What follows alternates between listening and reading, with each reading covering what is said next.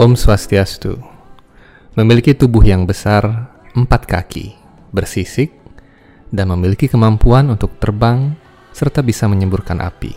Apa yang Anda pikirkan jika melihat makhluk seperti itu? Benar, Anda pasti berpikir tentang naga. Siapa yang tidak takjub dengan makhluk ajaib bernama naga?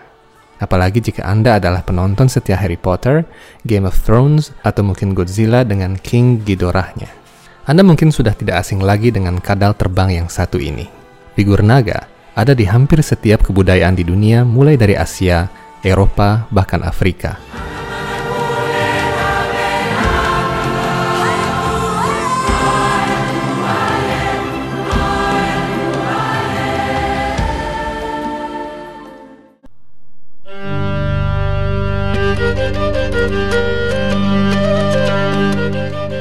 Setiap kebudayaan memiliki versi uniknya sendiri tentang naga, mulai dari naga dalam mitologi Tiongkok yang biasanya digambarkan sebagai makhluk yang menyerupai ular yang panjang, bersisik, berkaki empat dan bertanduk, hingga naga dari mitologi Eropa dengan badan yang besar, bersayap, gagah dan tentunya nafas api yang bisa membuat satu desa menjadi lahan barbecue. Naga jenis ini adalah makhluk paling umum dari naga yang kita ketahui.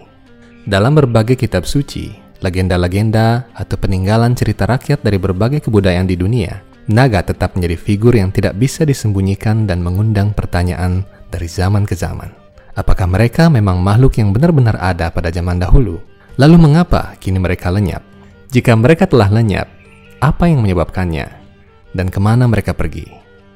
Dalam kitab suci Weda banyak uraian tentang kerajaan surga yang dipimpin oleh Dewa Indra dengan banyak makhluk ajaib yang menghuninya.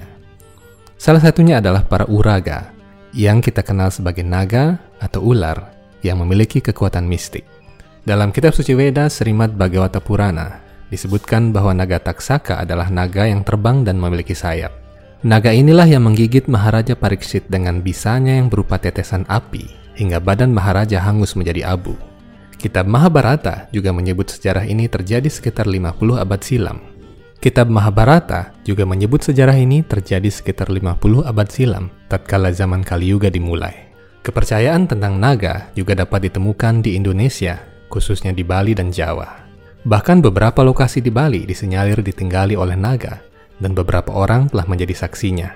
Bahkan legenda Bali kuno menyebutkan bahwa alam semesta kita ditopang oleh naga yang jika sisiknya bergetar, maka akan ada gempa bumi yang besar.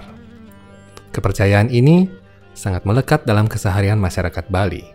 Jika kita teliti dari logika, manusia pada umumnya akan percaya jika pernah melihat sesuatu, apalagi menyangkut kepercayaan yang tersebar luas dan bertahan lama berabad-abad.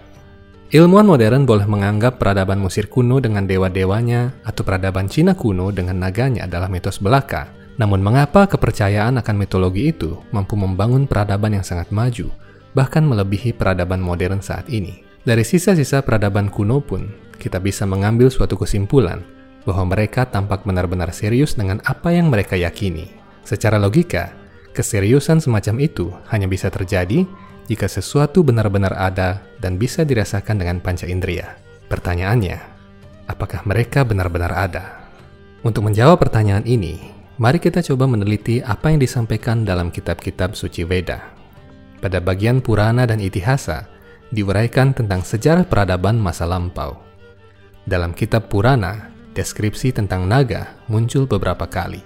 Nama-nama naga yang terkenal antara lain Sesa, Wasuki, dan Vritra. Ananta Sesa adalah naga rohani yang menyangga setiap alam semesta dengan salah satu kepalanya.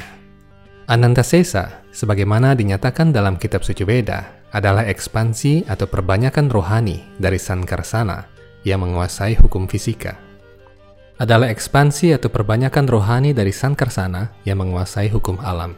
Karena itu Veda menyatakan bahwa hukum gravitasi disebabkan karena tenaga Ananta Sesa dan bisa dimanipulasi dalam keadaan tertentu. Hingga kini umat Hindu memuja Ananta Sesa yang juga bertugas memayungi Sri Wisnu dengan ribuan tudung kepalanya. Sementara itu, naga Wasuki adalah naga air yang juga memiliki ribuan kepala. Wasuki hidup di sebuah planet di bagian bawah alam semesta yang disebut Nagaloka atau Patala. Dinyatakan dalam beberapa sumber lain bahwa jalan masuk ke planet-planet lain dapat dibuka dari bumi. Naga Wasuki sangat takut pada Garuda, burung rohani yang menjadi kendaraan Tuhan. Kisah ini ada dalam Mahabharata. Apabila dilihat dari sisi geologi, naga adalah dinosaurus yang hidup pada era Mesozoikum, sekitar 200 hingga 65 juta tahun silam. Era tersebut, jika dicocokkan dengan zaman menurut Weda, jatuh pada Manwantara ke-6, yakni Caksusa Manwantara.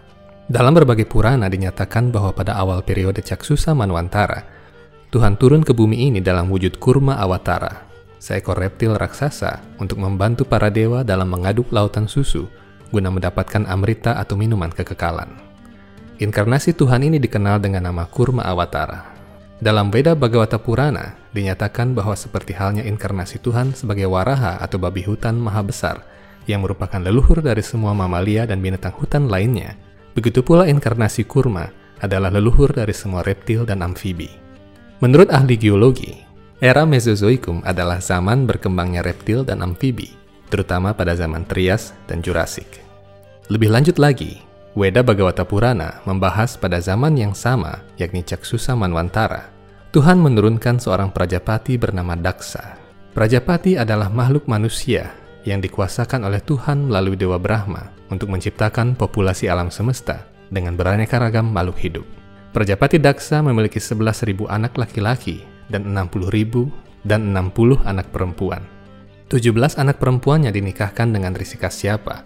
Ke-17 istri Risi Kasyapa ini menurunkan berbagai makhluk hidup yang memenuhi alam semesta selama periode Caksusa Manwantara, mulai dari bidadari, malaikat, dewa, asura, manusia, pohon, burung, mamalia, reptil, naga, dan makhluk-makhluk halus. Ini mungkin terdengar mustahil bagi manusia modern, namun segala sesuatu yang dikuasakan Tuhan pasti terjadi dengan cara-cara yang tidak bisa kita bayangkan. Secara sains, tidak mungkin sepasang manusia biasa melahirkan pohon dan binatang-binatang karena kromosom yang berbeda. Namun ilmu pengetahuan dan teknologi rekayasa genetika bukan tidak mungkin bisa melakukannya pada tahap kemajuan pengetahuan dan kekuatan yoga mistik tertentu. Singkatnya, salah satu istri Risi Kasyapa bernama Kadru suatu hari memohon seribu anak dari suaminya.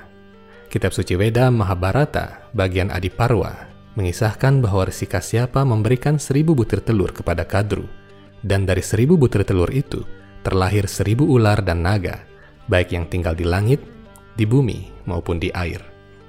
Salah satu istrinya yang lain, yakni Winata, diberikan dua butir telur.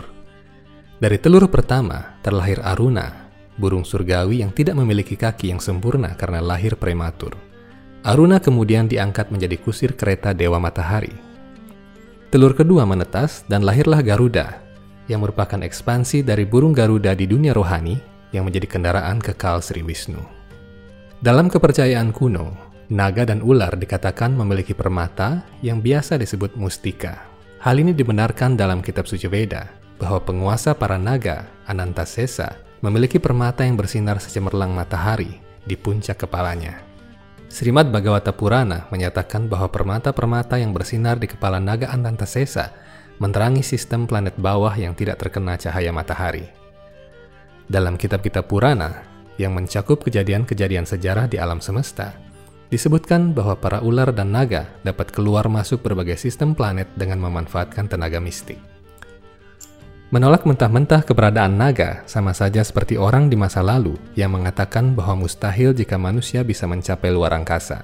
Terlalu dini untuk menyatakan bahwa hewan-hewan mitologi seperti naga hanyalah sebuah hayalan dari masa lalu atau sekedar imajinasi atau sekedar imajinasi manusia.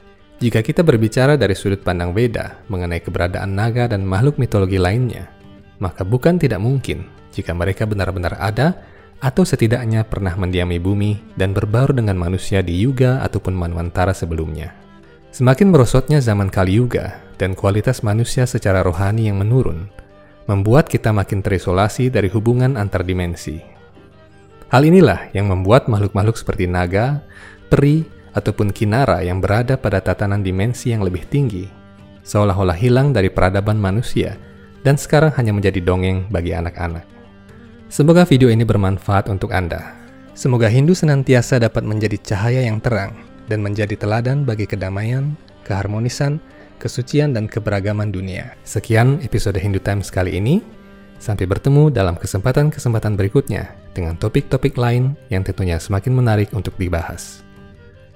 Om Santi Santi Santi Om.